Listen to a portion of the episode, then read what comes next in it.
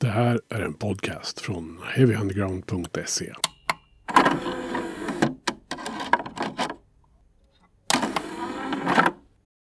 Då är det ju dags för ännu ett eh, klassikeravsnitt här i Heavy Underground. Och eh, ja, det här börjar ju liksom bli en liten, eh, eh, ska vi säga, ett radarpar i det här sammanhanget. Jag heter Magnus Tannegren och mitt emot mig sitter Mischa Sedini som är med återigen. Välkommen. Ja, tack så mycket. Det börjar bli en riktigt trevlig eh, återkommande aktivitet. Jag eh, ser fram emot de här små träffarna som vi har faktiskt. Ja. Eh, ämnet för dagen eh, är ett band som eh, i sin debutskiva som vi ska prata om slår fast att no samples, keyboards or synthesizers used in the making of this recording. Står det i bokletten på CD-skivan som jag har här framför mig. Eh, vi pratar natur naturligtvis om Rage Against the Machine och Yes. deras debut från 1992 som ska avhandlas i det här avsnittet. Precis. Eh, Men innan vi liksom börjar prata riktigt om bandet och skivan. Jag tänkte att för att förstå Rage Against the Machine på något sätt så kanske man måste förstå USA 1992. Mm. Eh, det är ju en tid som är strax efter på något sätt att muren har fallit. Det finns bara en supermakt i världen vid det här året. Mm. Ehm, egentligen är det ju en ganska ljus tid kan man tänka. När liksom kalla kriget är över och sådär. Samtidigt så har vi ju då eh, haft, precis haft Gulfkriget. Eh, man ska befria Kuwait från Irak. Och allt vad det innebar. Ehm, eh, Bush den äldre var president. Mm. Där vi kommer in i 1992. Mm. Han ersätts ju sen av Bill Clinton i november när han förlorar valet där. Och arbetslösheten i USA vid den här tiden är den högsta sedan 1984. Det är 7,8 procent. Om det nu Mm. säger någonting. Eh, så att eh, det är liksom en eh, tid där allting borde vara bra. Men det är, skaver ju lite grann någonstans. Och så finns de här motsättningarna som alltid har funnits i USA. Mellan eh, folkgrupper och sådär. Och en uppenbar händelse där är ju de upplopp som sker i Los Angeles 92. Vi kommer att komma tillbaka till dem. Som sker precis under den tid som Rage Against the Machine är inne och spelar in denna skiva. Mm, precis. Eh, det var en eh, väldig händelse egentligen, de där upploppen. Jag läste någonstans att det var 53 döda under några dagar. Eh, och skadorna beräknades på staden till upp till en miljard svenska kronor. Mm. Mycket som brann upp. Mm. Och mitt i allt det här då så finns Rage Against the Machine. Precis. Mm. Ehm, jag tänker jag faktiskt fortsätta lite på det. Jag tycker, jag vet inte, har man inte sett så borde man nästan faktiskt se serien om Jeffrey Dahmer på, på Netflix. Mm. För att den säger rätt mycket. Eh, vi har ju den här strukturella rasismen som existerar i USA, som egentligen alltid existerat, men den hamnar ju väldigt mycket på tapeten tidigt 90-tal. Och eh, just Jeffrey Dahmer lyckades ju döda väldigt många av sina offer på grund av eh, den strukturella rasismen. Där man, han, det var flera gånger han klarade sig undan polisen för att man tyckte att men han är en god, vit, Mm. st, st, liksom städad medmänniska. Liksom. Mm. Eh, och det är allt det här som, som, som Rage Against the Machine ja, då protesterar emot. Mm. Högljutt. Och Jeffrey Dahmer, vill bara säga det, att han blev dömd till fängelse då, 92. För, för sina, sina mord då.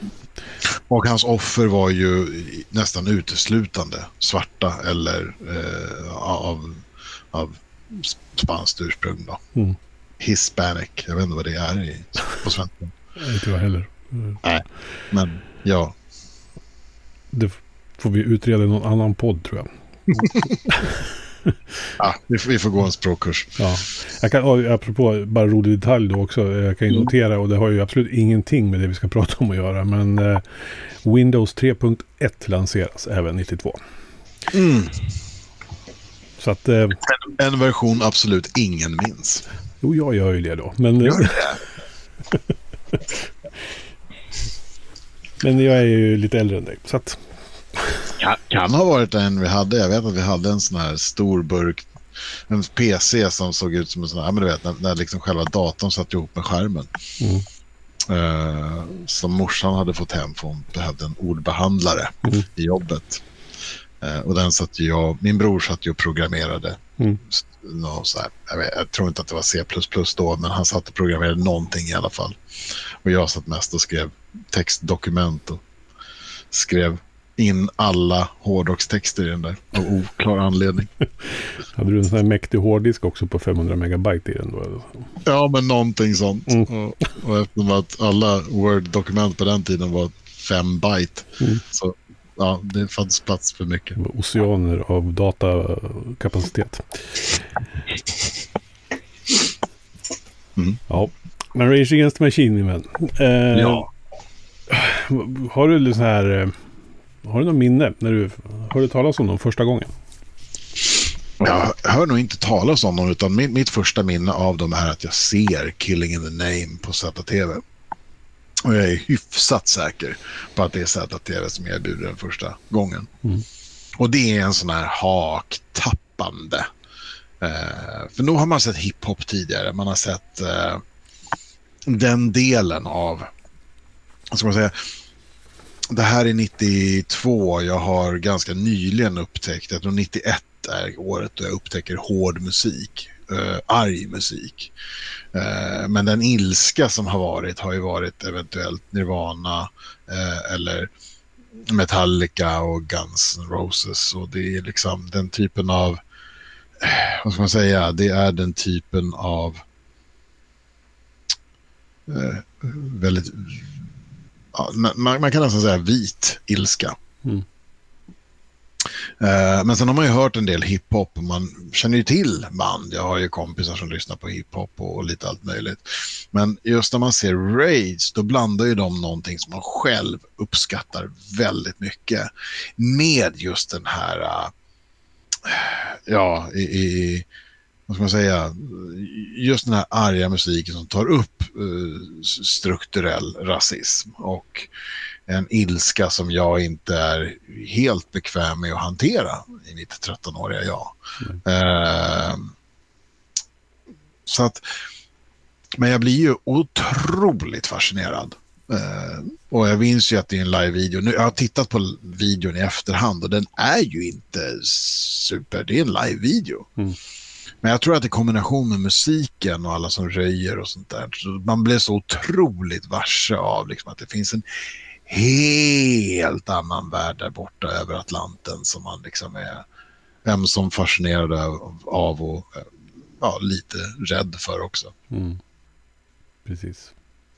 Alltså jag har ju inte heller, jag har inte minne så exakt när, när de dök upp på min radar. Det är ju som, det ofta är i de här avsnitten vi gör så är det ju antingen ZTV eller MTV vid den här tiden. Mm. Som, som är liksom eh, den nyhetskanal för ny musik man eh, upptäcker. Och det var ju säkert där jag hörde dem och såg dem första gången också. Men det jag tänkte på när jag funderade på det där med Rage Against the Machine. Så för mig i början på något sätt så var de något sorts t-shirt-band.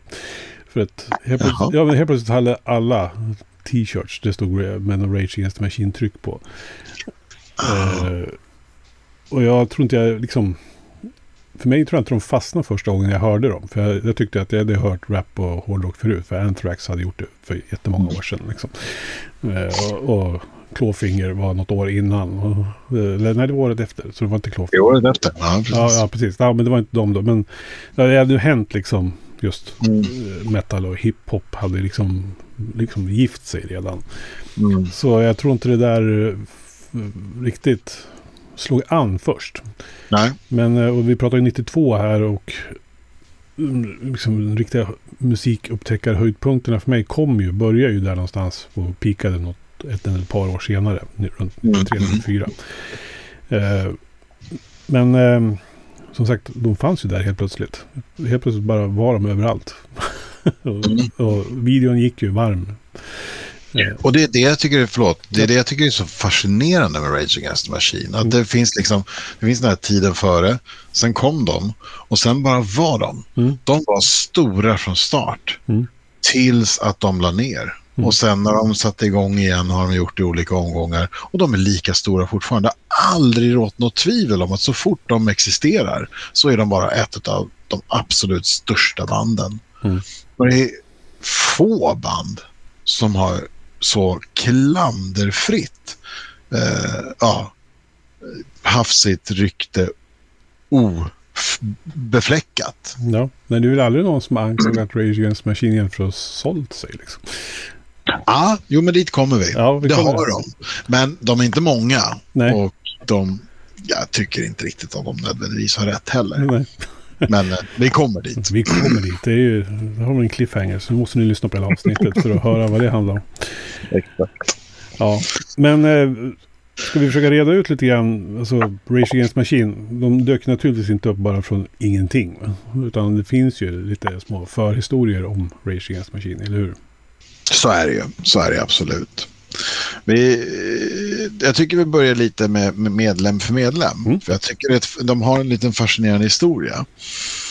Om vi tittar på Brad Wilk, då, trummisen. Eh, han är född i Portland, Oregon, uppvuxen i Chicago. Innan till slut familjen stadgade sig i södra Kalifornien. Eh, och eh, han började spela trummor vid 13 års ålder och han träffade Morello eh, när han provspelade för Morellos gamla funkband Lockup. Som för övrigt var fullständiga nyheter för mig när vi tittade upp det här. Och herregud, vill man ha en härlig återblick i, i liksom i, i tidig 90-tals ja, härlig sån här funk metal Alltså, vad, ska man definitivt titta upp Lockup. vad är det för musikstil? Funk metal? Jag, så, här, är det Dan Reed Network? Ja. Ja. Absolut, Fishbone. Och, ja. Och oftast är det ganska intetsägande. ja, det jag skulle komma till. Men bryr sig om det liksom? En liten, liten hängiven klick människor. Som jag har all respekt för. Absolut. Jag förstår, jag förstår dem inte. Nej, nej, nej. Nej. Det sa jag inte heller. Sen har vi ju Tom Morello då. Som ju, ja, det är en lite rolig historia. Han är son till Kenias första diplomat i USA. Och eh, hans mamma var lärare och aktivist. Född i Harlem i New York, uppvuxen i Libertyville i Illinois.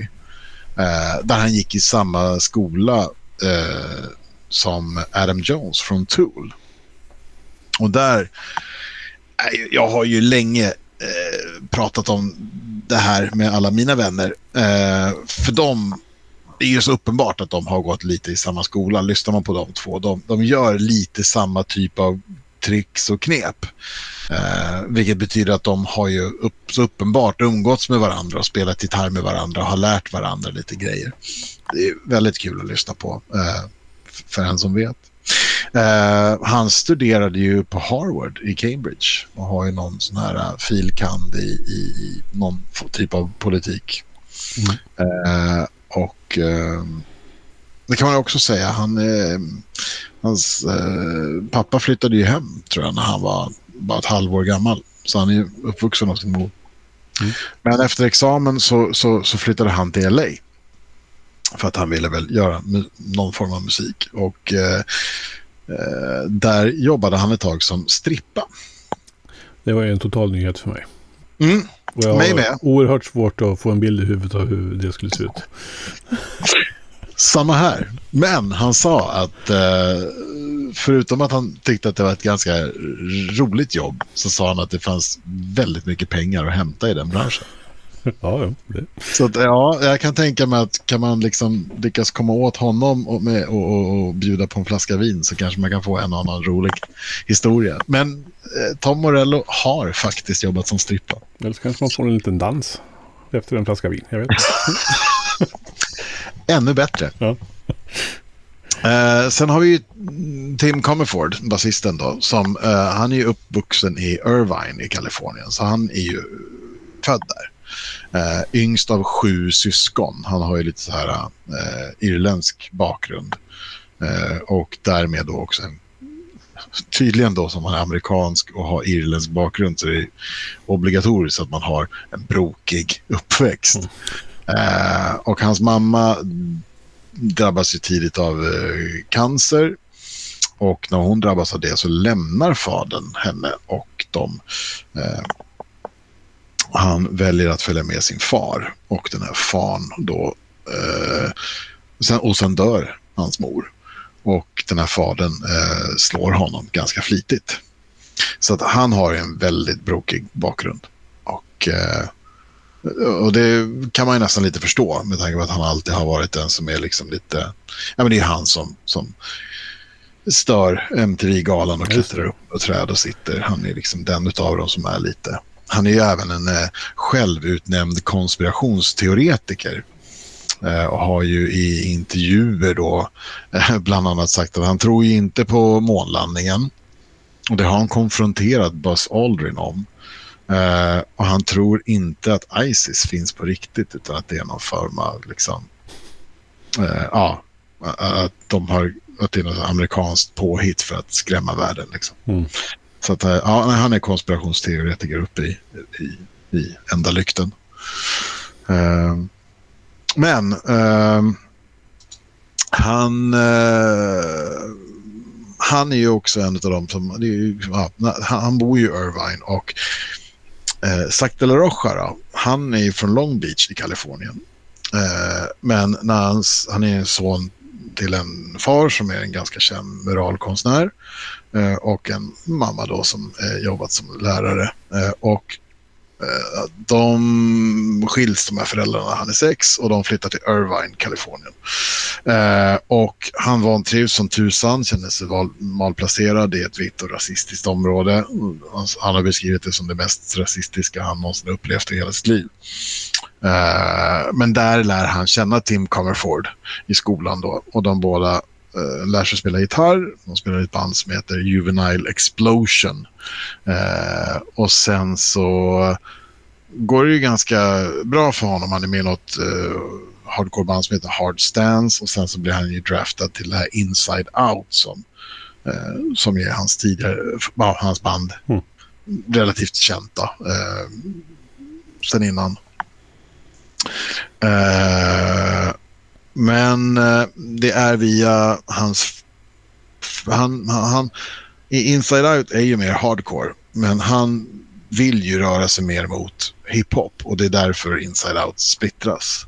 Och när han håller på och freestylar på hiphopklubbar så, så hittar Tom Morello honom. Och fakta tycker på honom. Mm. Det är lite fascinerande tycker jag att de är från så olika delar ändå av USA. Mm. Och det jag glömde säga nu var att så, ja, men det sa det. Att, um, ja, men det sa jag. Att han lärde känna Tim Comerford i skolan där mm. i Irvine. Mm. Så då så de liksom blev bästisar. Det var de som var, det var de som gillade hårdrock och var lite anti, anti-etablissemang. Mm. Uh, och sen är det liksom Portland och New York. Som... Ja, och, och, och, och, New York och, du har eh, Chicago och du har Libertyville och det är liksom det är ganska häftigt hur de här verkligen möts. Mm. Uh, och uh, vad som sen händer är att Tom Morello och hans det här funkbandet Lockup, uh, de lägger ner. Och när de gör det så, så Lockups då trummis uppmuntrar Zac de la Rocha och Tim Comerford då att jamma med Tom Morello säger det liksom att Nej, men ni borde, ni, jag tror att ni skulle kunna göra någonting bra. Liksom. Och Morello då, han hade ju i, i, sin tur då kontakt med Brad Wilk som hade ju varit då och, och provspelat för Lockup. Uh, han hade dessutom, det här är också en lite rolig detalj, han hade ju faktiskt även provspelat för Pearl Jam. Ja, just det. Mm. Men det blev ingenting av det. Uh, och men Morello hade ju då redan börjat spela lite med Brad Wilk och de kommer fram till att ja, men de fyra ska spela. Och det som alla de medlemmarna säger är att det var instant magic. Det var, de visste precis vad de ville göra. Och eh, de eh, bildar ett band och då börjar de spela in lite låt, eller skriva låtar och sen ganska tidigt så bestämde de att de måste döpa bandet till någonting. Och eh, Inside Out hade ju spelat in en hel del material som skulle bli en platta eh, och den plattan skulle de döpa till Rage Against the Machine. Ja. Så att mm, de väljer helt sonika att ta det albumnamnet till sitt bandnamn. kan man ju fundera lite på då vad, vad maskinen är som de är arga på. Men man kan väl anta att det är samhällsmaskinen då.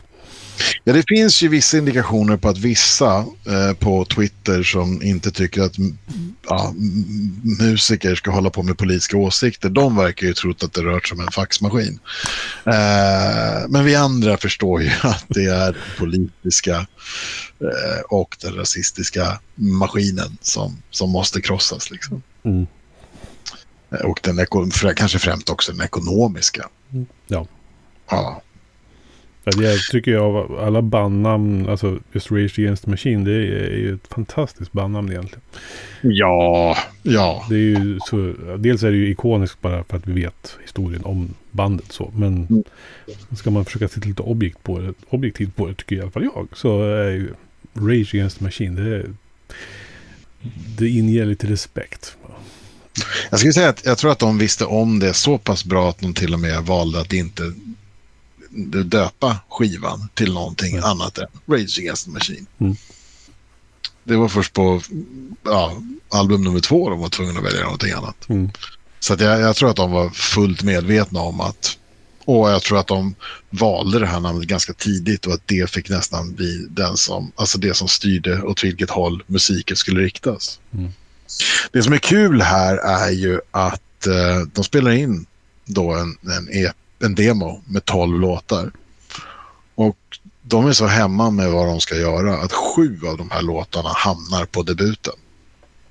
Och jag har faktiskt su- suttit ner nu första gången och letat upp de här övriga låtarna. Mm. Och eh, jag vet inte exakt vilka låtar nu det var som var med på som, som, som var på demon och hamnade på albumet. Men jag har hört de andra fem låtarna från den här EPn, eh, eller demon, som inte kom med.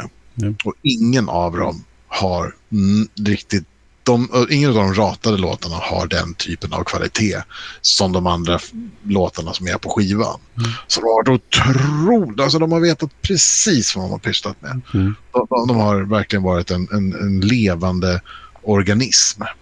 Jag, Och det märker, jag, det märker man från de här tidiga åren. ja. Jag tänker demon, de finns väl på någon återutgivning av skivan tror jag. Mm. Jag tror de finns på Spotify. Eh, och när man lyssnar på dem, alltså, man, det är som du säger, de är ju ganska... De låtarna man känner igen som, som kommer på skivan, de är ju inte stor skillnad egentligen från liksom, vad, som, vad som hände sen. Liksom. Alltså, Det är bättre produktion möjligtvis, men det är Mm. liksom ändå... Det sitter ju där. Liksom. Man, det, det, är inte mycket ändringar gjort Nej. på prototypen så att säga. Det, Nej, verkligen inte. Och den enda skillnaden är att de bara inte är lika bra som de som är på skivan. Nej, nej. Men då har man liksom skruvat lite på det. Va? Men, eh, Mm. men eh, grunden sitter ju liksom där. Mm. Och jag kan ju hålla med då att de låtarna som inte kom med på skivan sen, de minns man inte riktigt heller. Nej. Efter att ha hört dem. Så. Och när de har gjort det här då, så börjar de spela flitigt på, Las, eh, på LAs eh, klubbar då. Och får ganska tidigt rikligt med uppmärksamhet. De är ju tidigt en, liksom en väldigt stark eh, live-akt så. Mm. Tajta så det stänker om det. Duktiga musiker. Och eh, flera bolag visar intresse men bandet väljer Epic. Eh, och det intressanta tycker jag är att vad de än har gjort under deras karriär så har de hållit sig fortfarande till Epic. De har aldrig lämnat Epic. Nej. Och enligt Tom Morello så är det för att de har från första början fått de fria tyglar de har velat ha. Och få, har alltid fått behålla dem. Mm. Det är ganska ovanligt. Det är, jag tycker att när man läser historier med band så är det oftast att så var det skivbolagsstrul så vi fick byta bolag. Mm. Och Rage Against Machine som ändå är ett väldigt, väldigt väldigt struligt band som måste vara väldigt jobbiga att ha att göra med med tanke på att de protesterar tid och otid och blir arresterade utanför Wall Street och det ena med det tredje. Mm. Och ändå så hela vägen så är Epic med dem. Äh, lite hatten av där faktiskt. Mm. Mm. Jag tänkte bara hålla oss kvar lite just du vi nämnde Tom Morello. Uh. Det som man slås först av kanske när man hör Rage Against the Machine.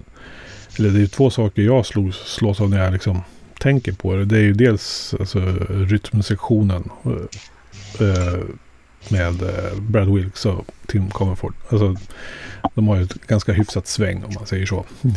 I det de gör på bas och trumma liksom. Mm. Eh, det andra man tänker då, och det knyter an lite till det jag sa i början där, att det inte förekommer några samplingar eller keyboards eller några andra hjälpmedel här, utan det är verkligen bas, trumma, gitarr. Mm. Eh, och mycket är ju Tom Morellos gitarrspel. Mm. Eh, nu är inte jag någon musiker på något sätt, men det är ju du. Så jag tänkte, ja. det, kan, det, kan, ju vara kul att höra gitarrists eh, liksom, eh, reflektion över hur Tom Morello spelar gitarr på den här plattan. För att det, det görs ju ljud som man inte tänker att det är en gitarr. Liksom. Och det, det, I alla fall för mig som är lekman liksom, så låter det ju om den här gitarren som... Det närmaste jag tänker på ibland det är så här Steve Vai kan göra sådana där märkliga ljud på gitarrer också. Liksom. Mm. Men, ja. Jag tror skill skillnaden, alltså det är precis. Um, skillnaderna är så många. Och, och, och, och, det blir alltid lite bajsnödigt när man ska nörda ner sig på det här viset. Och det är därför vi har den här podden. Jag, jag, jag kör lite, jag kör ett litet race. Uh, om man tittar på till exempel, för det första så Steve Vai gör ju grejer, men han gör ju inte grejer som Morello. Nej. Det som gör Tom Morello uh, till en annorlunda gitarrist är ju hela hans framtoning av, av sitt gitarrrunkande. Han gör det ju inte i riffandet. Hans riff är ju nästan barnsligt enkla. Det är det jag slås av varenda gång jag lyssnar på den här plattan. Det har aldrig varit svårt att lära sig riffen. Riffen är busenkla. Det är så mycket Sabbath, det är så mycket Zeppelin, det är liksom men med ett sånt otroligt groove.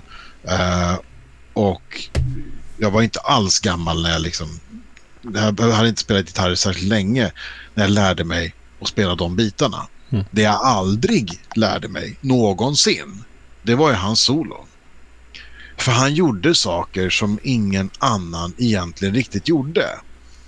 Och han gjorde det inte på ett, eh, ja, till skillnad från då Steve Vai, gitarrrunkigt sätt. Yeah. Han tar ju ut, alltså han använder ju volymknappen, han drar ner eh, gitarrer brukar ha två mikrofoner eh, och så har den en switch där man kan liksom byta mellan mikrofonerna.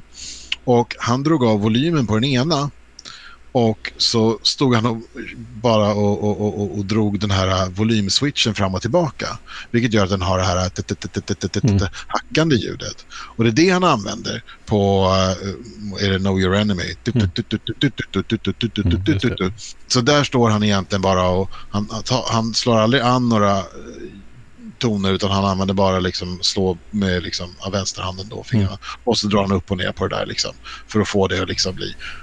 Och sånt gjorde ingen annan gitarrist alls. Eh, han drog ut eh, kabeln och liksom började spela, drog liksom ka kabeländan mot strängarna och fick de här och drog mot strängarna för att och, och, och och hela tiden så försökte han inte återspegla några hårdrocksgitarriff utan han försökte mer få det att låta som ja, scratchings och sam samplingar. Mm. Vilket han också lyckades med. Mm. Och han gjorde allt det här live.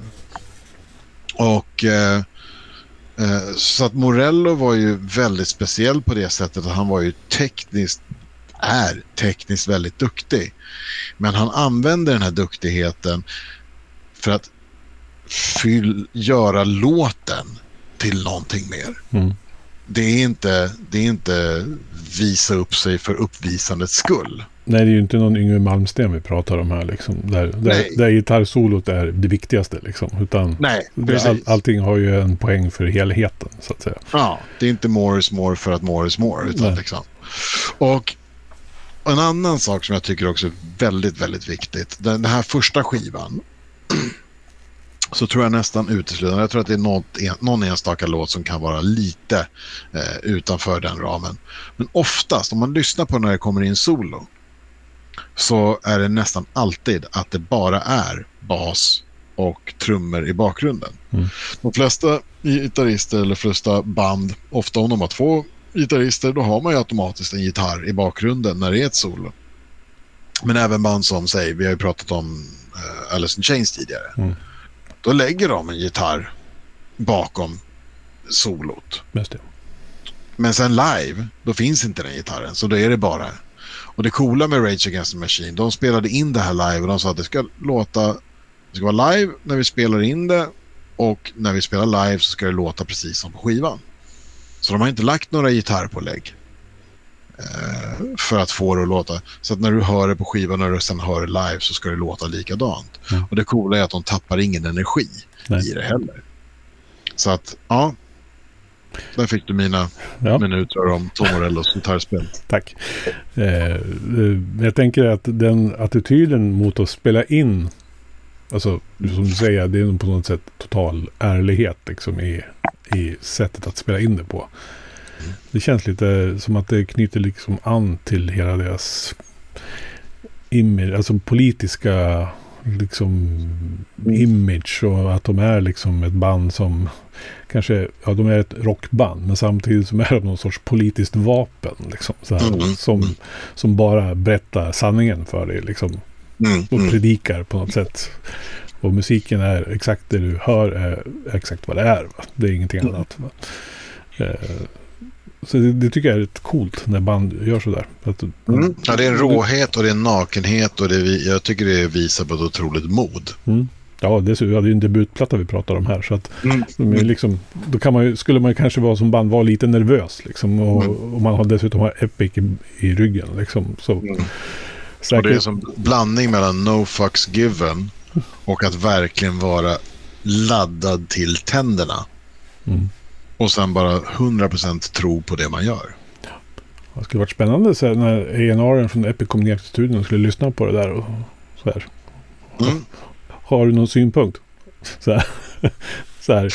Eller Så liksom, med, ta- med, med tanke på att de fick köra Killing in the Name Ja. som första singel så tror jag att de på Epic de var med på det hela vägen. ja, Vem som helst hade valt en annan låt. De hade tagit, ta någon, ta någon av de andra som inte är liksom. mm, Men i första låten köra liksom, uh, vad han säger? Those who, uh, ja, vad sjunger de? Those who har, ja, men det är någonting om att de som är med, de som är poliser och armed forces ja, just det. är samma människor som bränner kors. Och menar ju på direkt, alltså det, det de säger i refrängen, eller i versen är ju liksom att ja, polisen är Ku Klux Klan. Ja.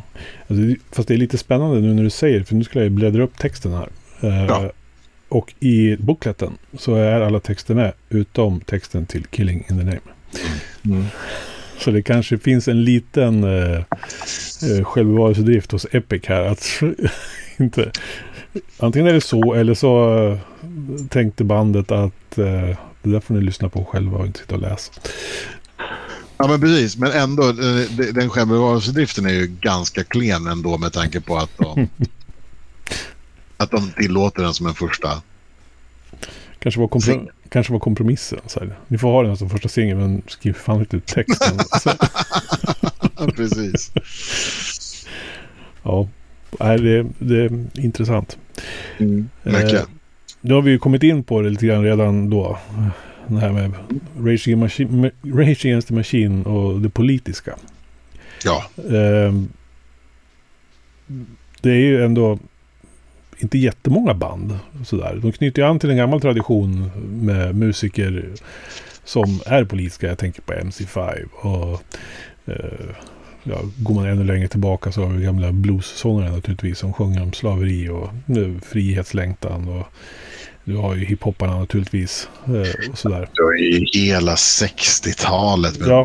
War och, och, och liksom Eh, och, och, och, vi pratar Bob Dylan och vi pratar om ja, ja, de... alltså politik och, och, musik. Till skillnad från vad en del människor säger så musik och politik har ju alltid gått hand i hand. Mm. Men det är väl kanske få som har gjort det så uppenbart. Eller då. I alla fall på, mm. på om man sätter dem i 90-talssammanhang då kanske mera. Mm. Eh, så har ju inte 90-talspunken riktigt vaknat. Men Rage Against Machine står där med knutna nävar. Liksom. Jag tror att det är inget band som tidigare eller efter har gjort det med en sån upp till kamp-känsla. Jag tror det var det som gjorde Rage Against the Machine så, så annorlunda. Mm.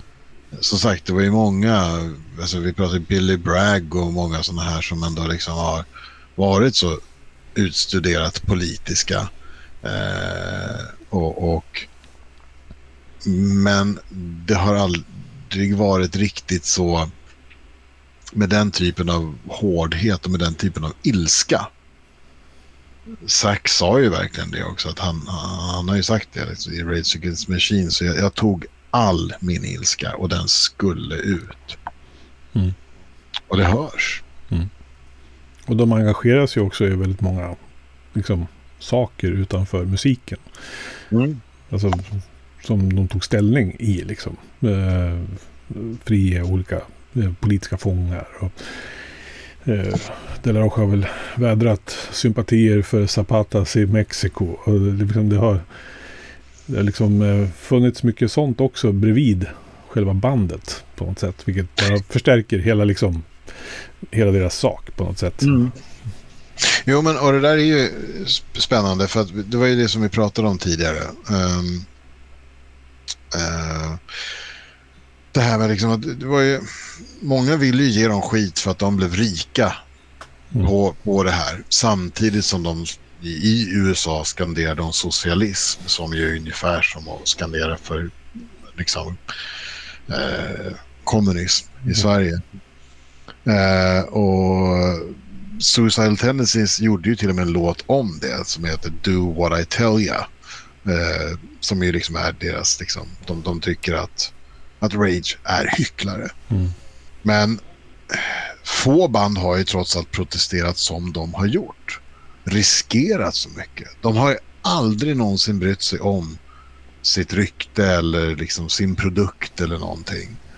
Uh, första Lollapalooza-turnén det här är ju liksom, jag tror att det här är 93. Eh, och det är deras första år som band i det offentliga. Så väljer de att på ett gäng av spelningarna så går de upp nakna med tejp för munnen. Och så har de någon varsin bokstav eh, skriven på bröstet som är någon protest mot då den här eh, Parental Guidance Explicit Lyrics eh, historien med Tipper Gore. Mm. Eh, som, som ju var högst pågående då. Liksom. Mm. Uh, parental Guidance som för övrigt ju liksom var 90-talets kvalitetsstämpel. Ja, det var ju det. För oss. Ja. Men, uh, men det, det gjorde de. Och, och det roliga var ju att de blev inte ens avkickade från turnén. Nej. Utan de tyckte liksom att, ja, fair enough. Och de tappade inte fans på grund av det. Jag tänker hur många band kan gå upp på en scen, inte spela sina låtar och behålla sina fans? Mm. Men de gjorde ju det. För att i sina texter så var de så radikalt politiska. Och de manifesterade denna radikalism.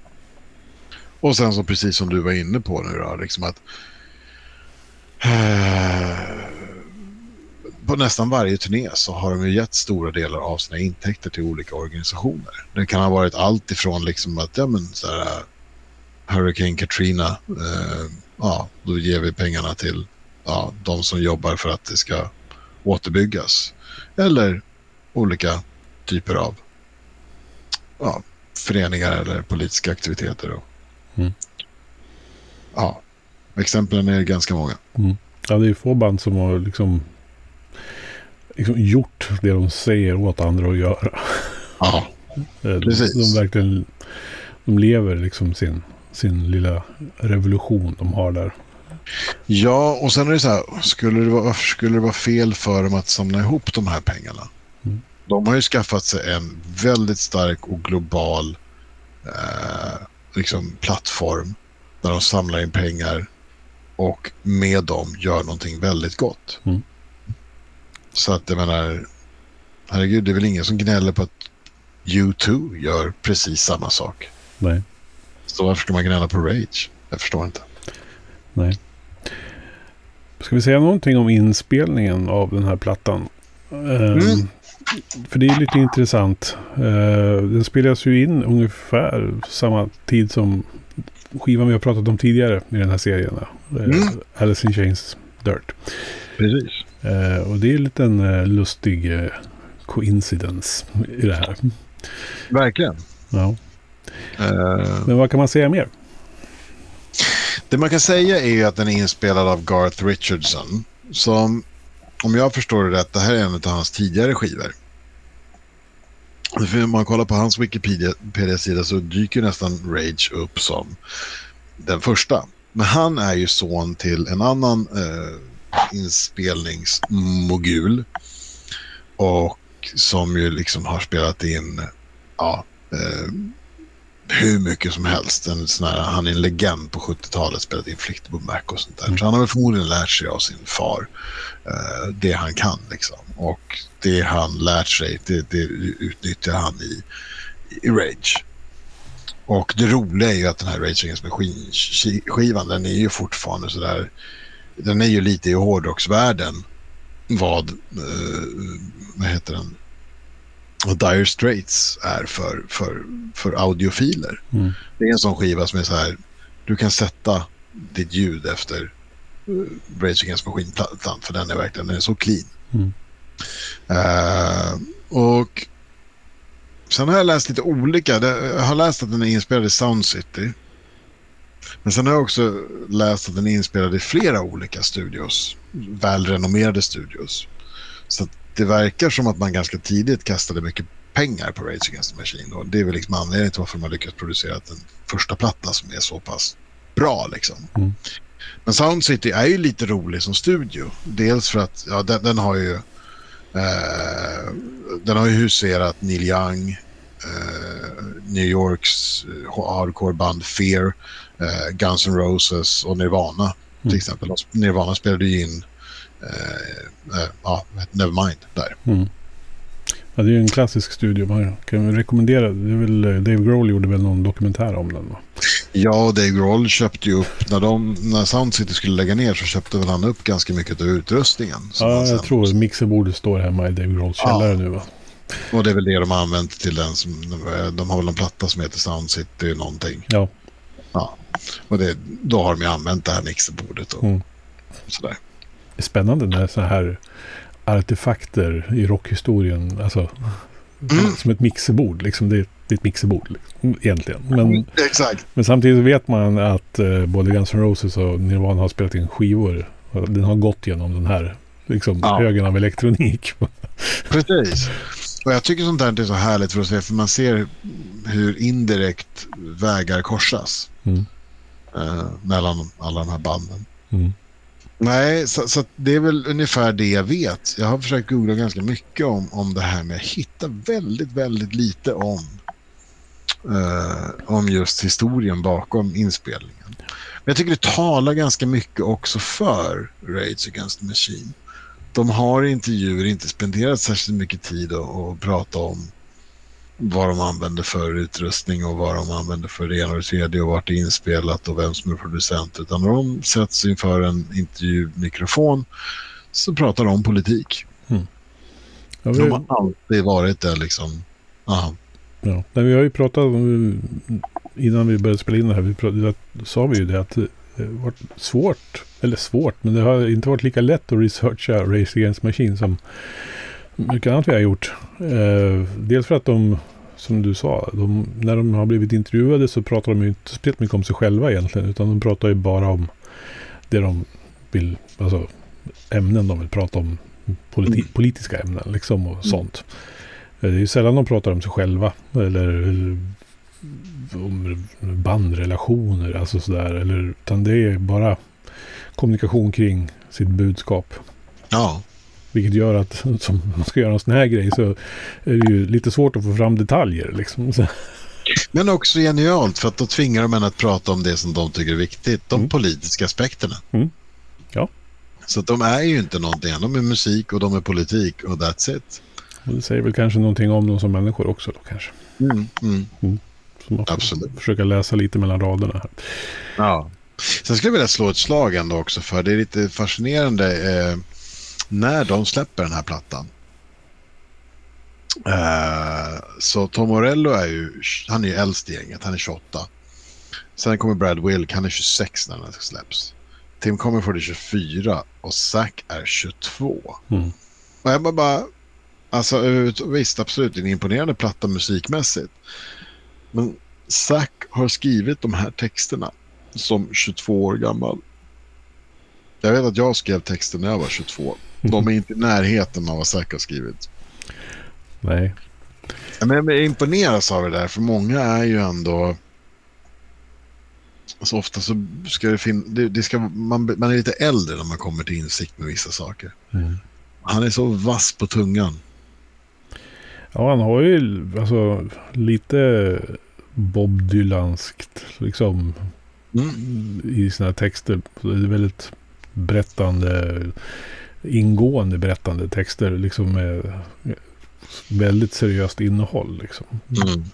Samtidigt som han har ju en hel del snygga liksom textmässiga lösningar. Alltså han rimmar ju väldigt Mm. snyggt ibland. Man, vilket gör det lättillgängligt att lyssna på liksom. Ja. Men sen är ju varje refräng också väldigt simpel. Mm. Jag menar, take the power back. Ja, ja, det är plakat liksom. Ja. Det- Boom, ba, boom. Gotta take the power back. Enkelt. Mm. Och liksom, du, kan skriva, precis, du kan skriva det på plakat. Mm. Ja. Bullet in your head. Ja, nej, det är eh, oerhört fascinerande. Mm. Eh, Know your enemy. mm, Det är liksom precis. En rad som går att upprepa. Det är nästan varje gång så är det så. Ja. Läser man bookletten också så står det då eh, Thanks for inspiration. Då tackar de eh, John Coltrane, Chuck D från Public Enemy, Jill Scott Heron. Han är ju poet och förgrunds, någon jazz förgrundsfigur som inspirerat många hiphoppare. Och aktivist. och aktivist. Eh, eh, det är lite roligt om eh, han tackar även Mohawk, eh, indianstammen där. Ja. Eh, nej men de, och Joe Strummer naturligtvis kommer på slutet så det, man märker, man Mm. försöker liksom hitta, och Miles Davis. Mm. Nej, men de, de, de, de, deras förebilder var ju antingen avantgarde i musik eller politiskt aktiva. Mm. Folk som hade absolut ingen rädsla för konsekvenser utan spill their beans. Och då tittar man på, på, eh, på skivomslaget. Det säger ju ganska mycket. Mm. Eh, de hade ju bilden som är, är ju en, en, en, en, en eh, människa som brinner. Ja, det, Och det är, ingen, det är inget photoshopat det här utan det är ju en faktisk bild som, som togs av en amerikansk eh, fotograf, Malcolm Brown, 1963 i Saigon. Det är ju då en, eh, en, eh, en eh, buddhistmunk som heter, om jag, och nu får du ursäkta mitt uttryck här, men han ska ha hetat någonting i stil med Dikgang Duk. Och han satte ju eld på sig själv eh, mitt på öppen gata i protest mot eh, den sydvietnamesiska presidentens förtryck av buddhister. Mm. Eh, och denna bild, när den spreds internationellt så, så, så, så var det precis den bilden som fick John F Kennedy att dra tillbaka sitt stöd för den eh, presidenten. Mm.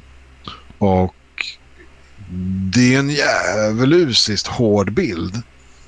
Men jag tror också att de väldigt mycket valde den just för den där att du kan göra skillnad. Mm.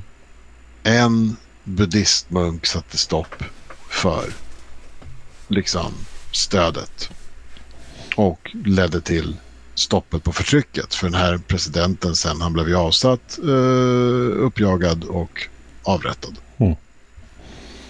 och Epic lät dem att ha den bilden på sitt debutalbum. ja. Jag tycker fortfarande att det är en jävligt massa. Du vet, man, man har sett den där så många gånger nu. Jo. Men när man tittar på den bilden och verkligen tänker på vad det är, det är en fruktansvärt magstark. Ja, och tittar man på hela bilden, för den finns på, fortsätter ju på baksidan på skivan också, så står ju bensindunken kvar där bredvid Mm. liksom. Mm, mm. Alltså det... Ja, nej det, det är starkt. Mm. Ehm, ja, det var ju någonting jag tänkte på också när jag sitter här och bläddrar i bokleten. Nu hoppar jag lite grann, men uh, knyta tillbaks då. Uh, Maynard från Tool är ju med. Ja. På skivan. Apropå Mm. att de hängde lite i skolan. eh, andra Tool-medlemmar. Ja, men precis. Och det där är lite spännande. Som sagt, eh, Tom Morello och, och, och Adam Jones var ju... Eh, var ju... Vet du det? Barndomskompisar. Mm. Eh, och båda flyttade till Los Angeles. Och jag tror att de är lite och rör sig i samma kretsar. Tool är ju... De är ju inte politiska.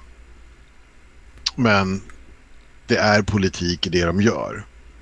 Så jag tror att de har... De, de, de, men de gör ju en mer inre resa. Mm. Medan Rage gör en extrovert resa liksom.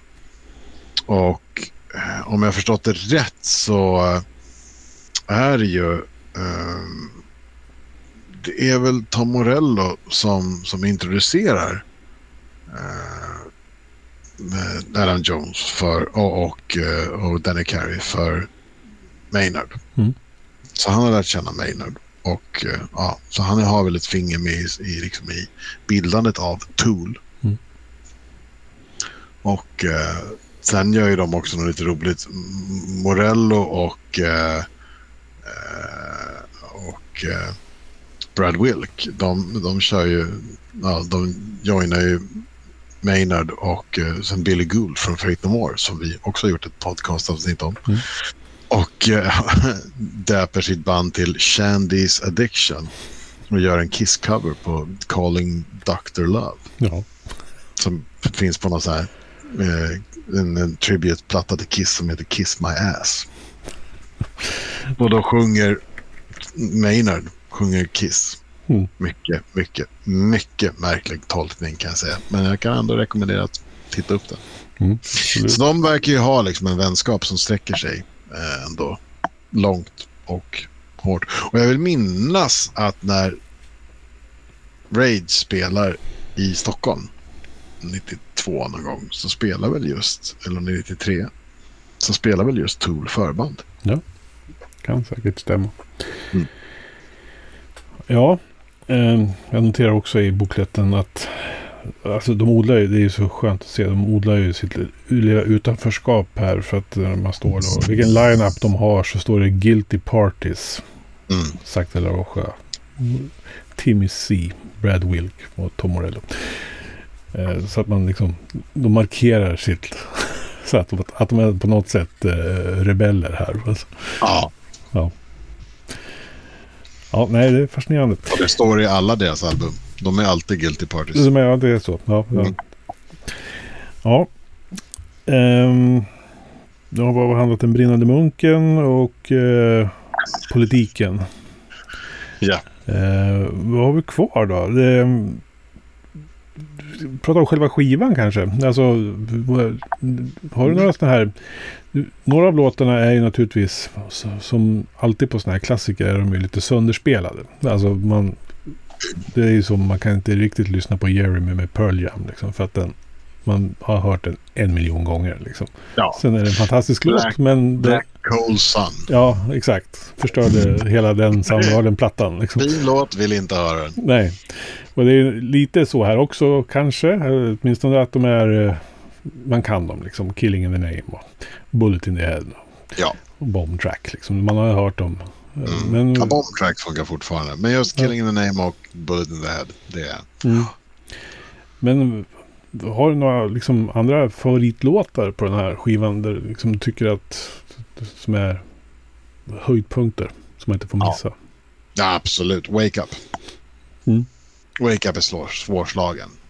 Eh, den, den är bara rakt igenom snygg. Mm.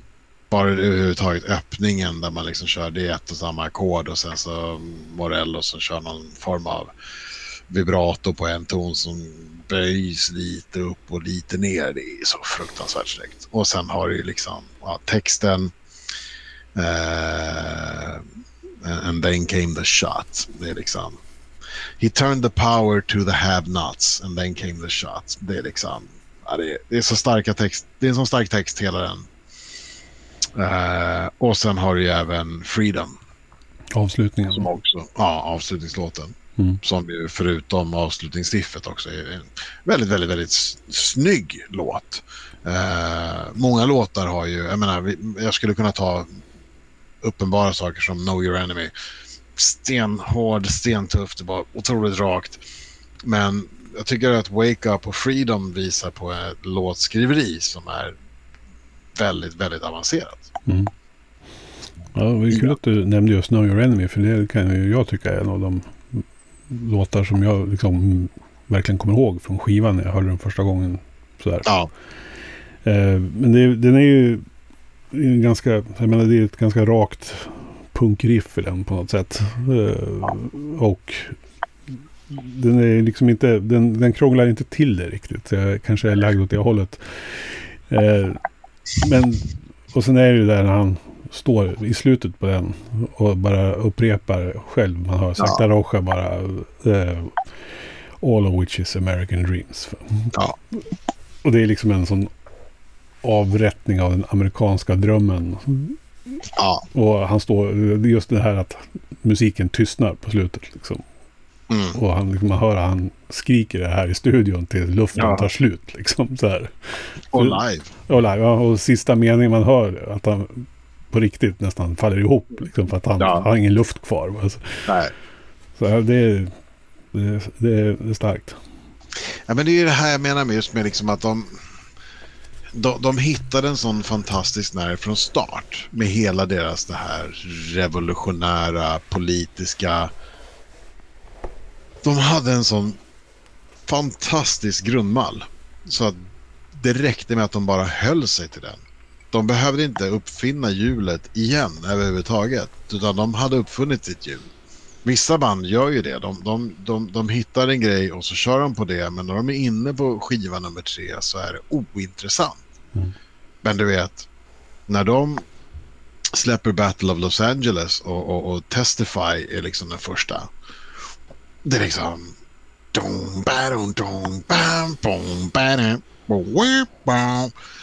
Herregud, det är så här. Ja, det låter precis, precis som att det hade, hade kunnat varit någonting de släppte 92 och nu är det 99.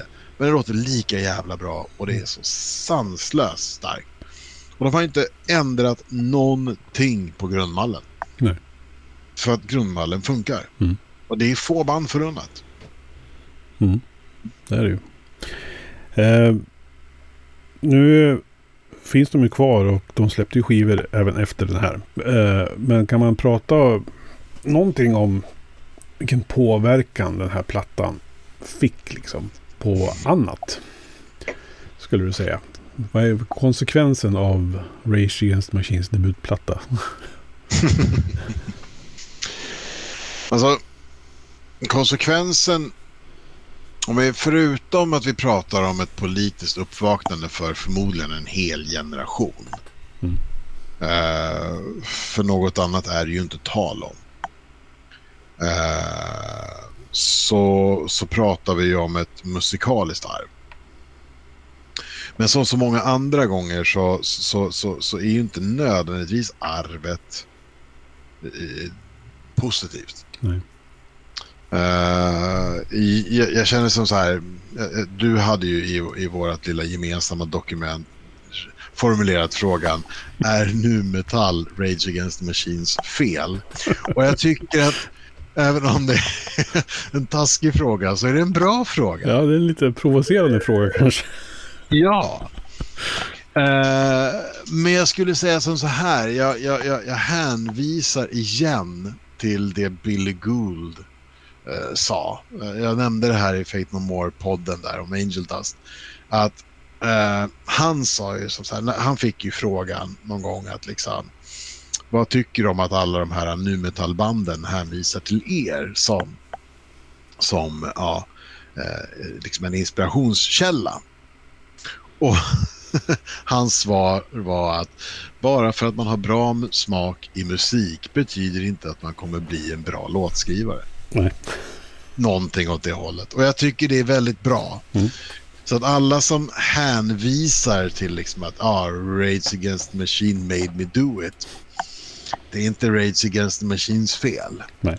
Det kommer alltid finnas de som inte förstår och förvränger det. Mm. Och faktum är att ingen nästan kan bli Rage Against Machine. Jag skulle säga att ska man... Vissa har ju försökt förvalta arvet musikaliskt. Men det de aldrig lyckas med är att de har ju aldrig haft samma politiska radikala... De har aldrig liksom, det har aldrig funnits någonting de brinner för. Det är ju det som egentligen har gjort Rage Against Machine. De brinner på ett sätt som ingen annan egentligen riktigt gör. Uh, så att du kan få spela hur arg musik du vill. Den enda jag kommer lite typ i närheten är ju liksom de här gångerna som jag tycker här, Peter Dolving är med i The Haunted. Han kan skriva liksom, det blir inte politik men det blir ändå den här samma typ av ilska. Han är så pass arg. Mm. Och så har han den här uppbackningen av den fantastiska The Haunted. Mm. Uh, men annars så tycker jag liksom, det blir inte samma sak. Ingen kommer i närheten av Rage. För att du, du kan få skriva hur mycket nu metal du vill, men när du istället tar den här ilskan och riktar den till ja, som Korn och, och, och 17 album om och min pappa var dum. Nej, det blir inte samma sak. Nej. Jag förstår vad du vill åt, men det är absolut inte samma sak. Det finns inget där. Nej. Nej, jag vet att rubriken jag satt där var ju lite eh, elakt formulerad. Med all rätt. Ja. Eh, lätt att göra den kopplingen. Men eh, ja. Men sen då. Eh, de släppte ju några skivor till under 90-talet. Mm. Två.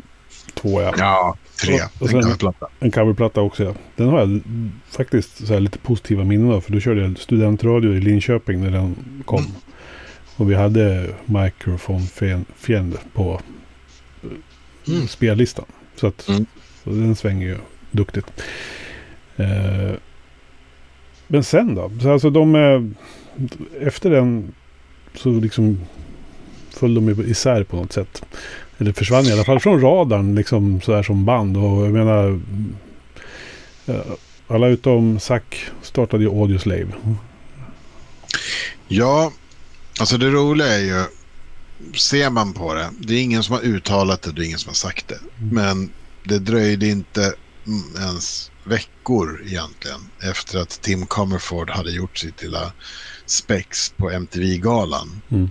innan Zack valde att lämna bandet. Ja. Och efteråt så har ju de pratat och de pratar mer öppet om vad det var som hände. Och de sa ju att det var sådana otroliga inre slitningar. Deras, alltså det, det, de, jag läste någonstans att det, det var så tramsigt att det var till och med nästan handgemäng över vilken färg en t-shirt skulle ha. Mm. Och när du kommer till den punkten att alltså, om vi tittar på då första plattan där de är unisont liksom allihopa emot maskineriet.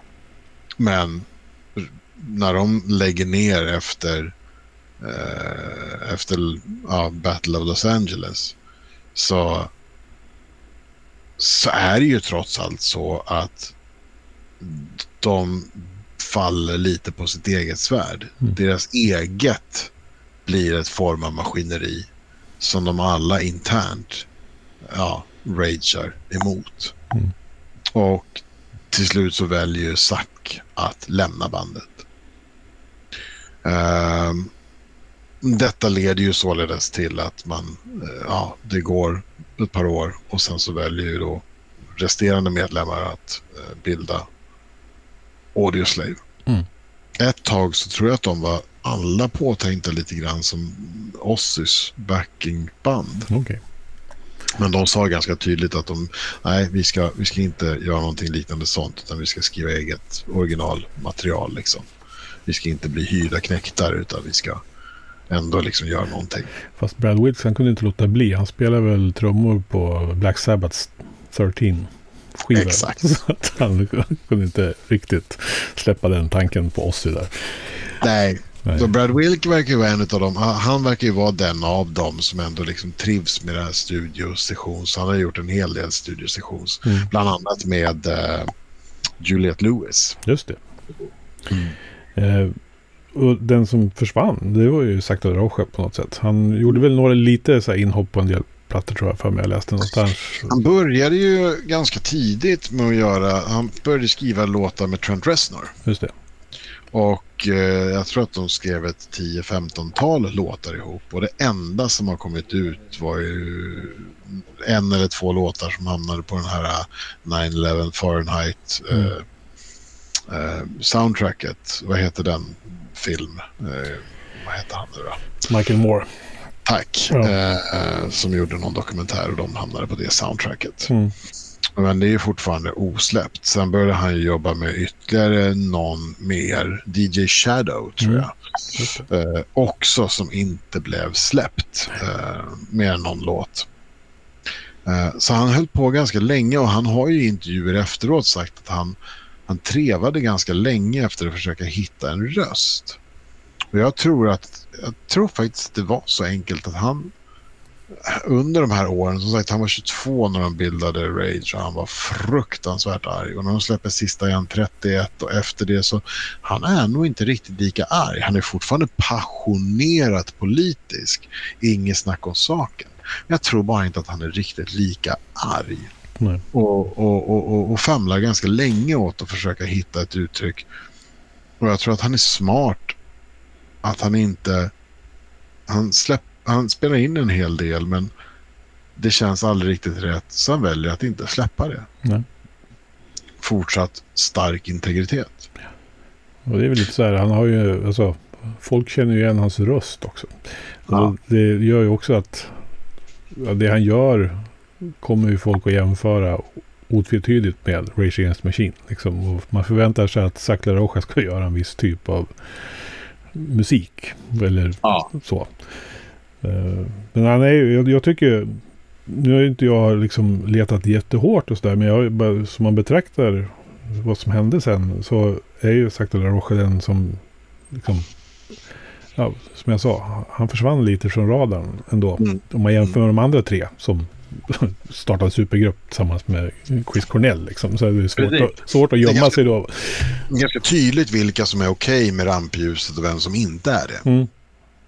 Han, Men 2008 så, så teamade han ju upp med eh, gamla Mars Volta-trummisen John Theodore Mm. och bildade ju One Day As A Lion. just det. Och det är ju faktiskt en fantastisk fyrspårs-EP. Jag håller nog det till en av världens bästa EP. Mm. Den har jag lyssnat väldigt mycket på. Väldigt snygg. John Theodore är en väldigt smakfull trummis. Och eh, det är, i grund och botten så är det ju en, en, en skiva som är, det är trummor, eh, smugsyntar, liksom någon, någon form av liksom, som, som eh, Sakta Rocha spelar och sång. Mm. Och de har ju gjort det live också. Mm.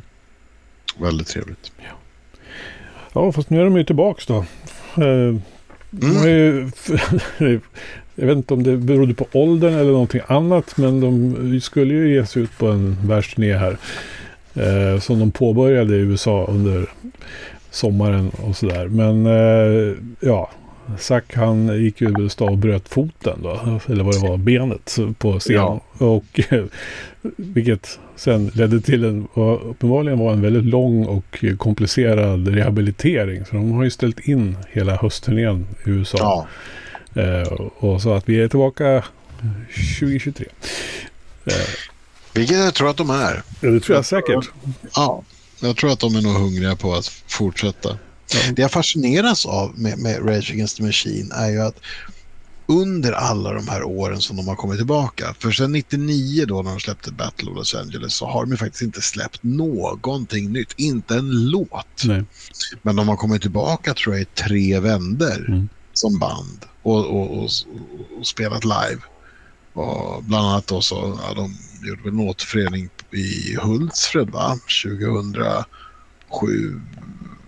Det är tror jag. möjligt. Eh, jag minns det för att jag, jag, jag eh, vi åkte ner och eh, både jag och min dåvarande sambo ville se dem och jag drog nitlotten. Så att jag, jag hörde, kan jag säga. Jag, jag, jag, var så, vi bodde så pass nära så jag hörde när de spelade Testify och kände när de spelade Testify. För att när de körde, jag tror att de öppnade med Testify den kvällen och vi kan ha varit någon mil ifrån själva liksom Mm. området. Men jag kände marken vibrera. Mm. Det var liksom alla hoppade. Mm. Och återigen, där har du ju liksom hela grejen med Rage Against Machine. Det är liksom, det är så otroligt nedryckande musik. Det går inte att stå still. Det är så enk, löjligt enkla men slagkraftiga riff. Så att, eh, ja. Jag hörde det på avstånd. Ja. Och där lyckades vi då sammanfatta egentligen vad vi båda tycker om Rage Against, the Machines debutplatta också. Att det, det enkla och effektiva. Mm. Eh, okomplicerade på något sätt. Mm. Jag tror vi har nått lite vägs ände här för historien om den här plattan, du och jag, i det här avsnittet. Eh, är det någon som har något att tillföra i den här diskussionen så får ni gärna lämna lite kommentarer och sådär sen på sociala medier där vi lägger upp det här. Men Mischa, det har ju varit som alltid intressant och lärorikt och eh, trevligt framför allt att prata musik med dig. Detsamma. Och jag ser fram emot våra äventyr 2023. Ja, det kan vi Då väl vi kommer att, då vi kommer att avhandla 1993.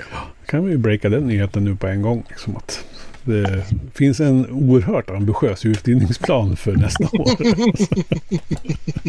Ja, om vi lyckas med våra planer så har jag för mig att det blir tio avsnitt va? Jajamän. Det är det. Eh, vilka skivor det kommer att handla om det tänker jag inte berätta nu. Men, eh, men eh, ni har någonting att se fram emot. Men eh, ett eh, klassikeravsnitt kvar i år att göra.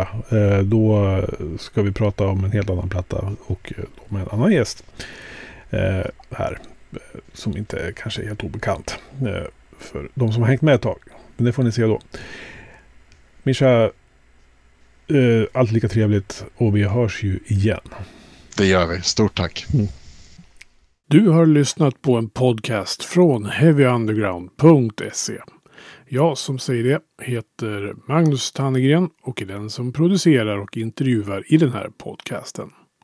Vill du veta mer om det här avsnittet eller om podcasten i allmänhet? Besök heavyunderground.se eller leta upp oss på de sociala kanalerna på Facebook och Instagram. Tack för att just du har lyssnat. And hey, I met you. You are not cool. I know. Even when I thought I was, I knew I wasn't. Because we are uncool. I'm glad you were home. I'm always home. I'm uncool. Me too.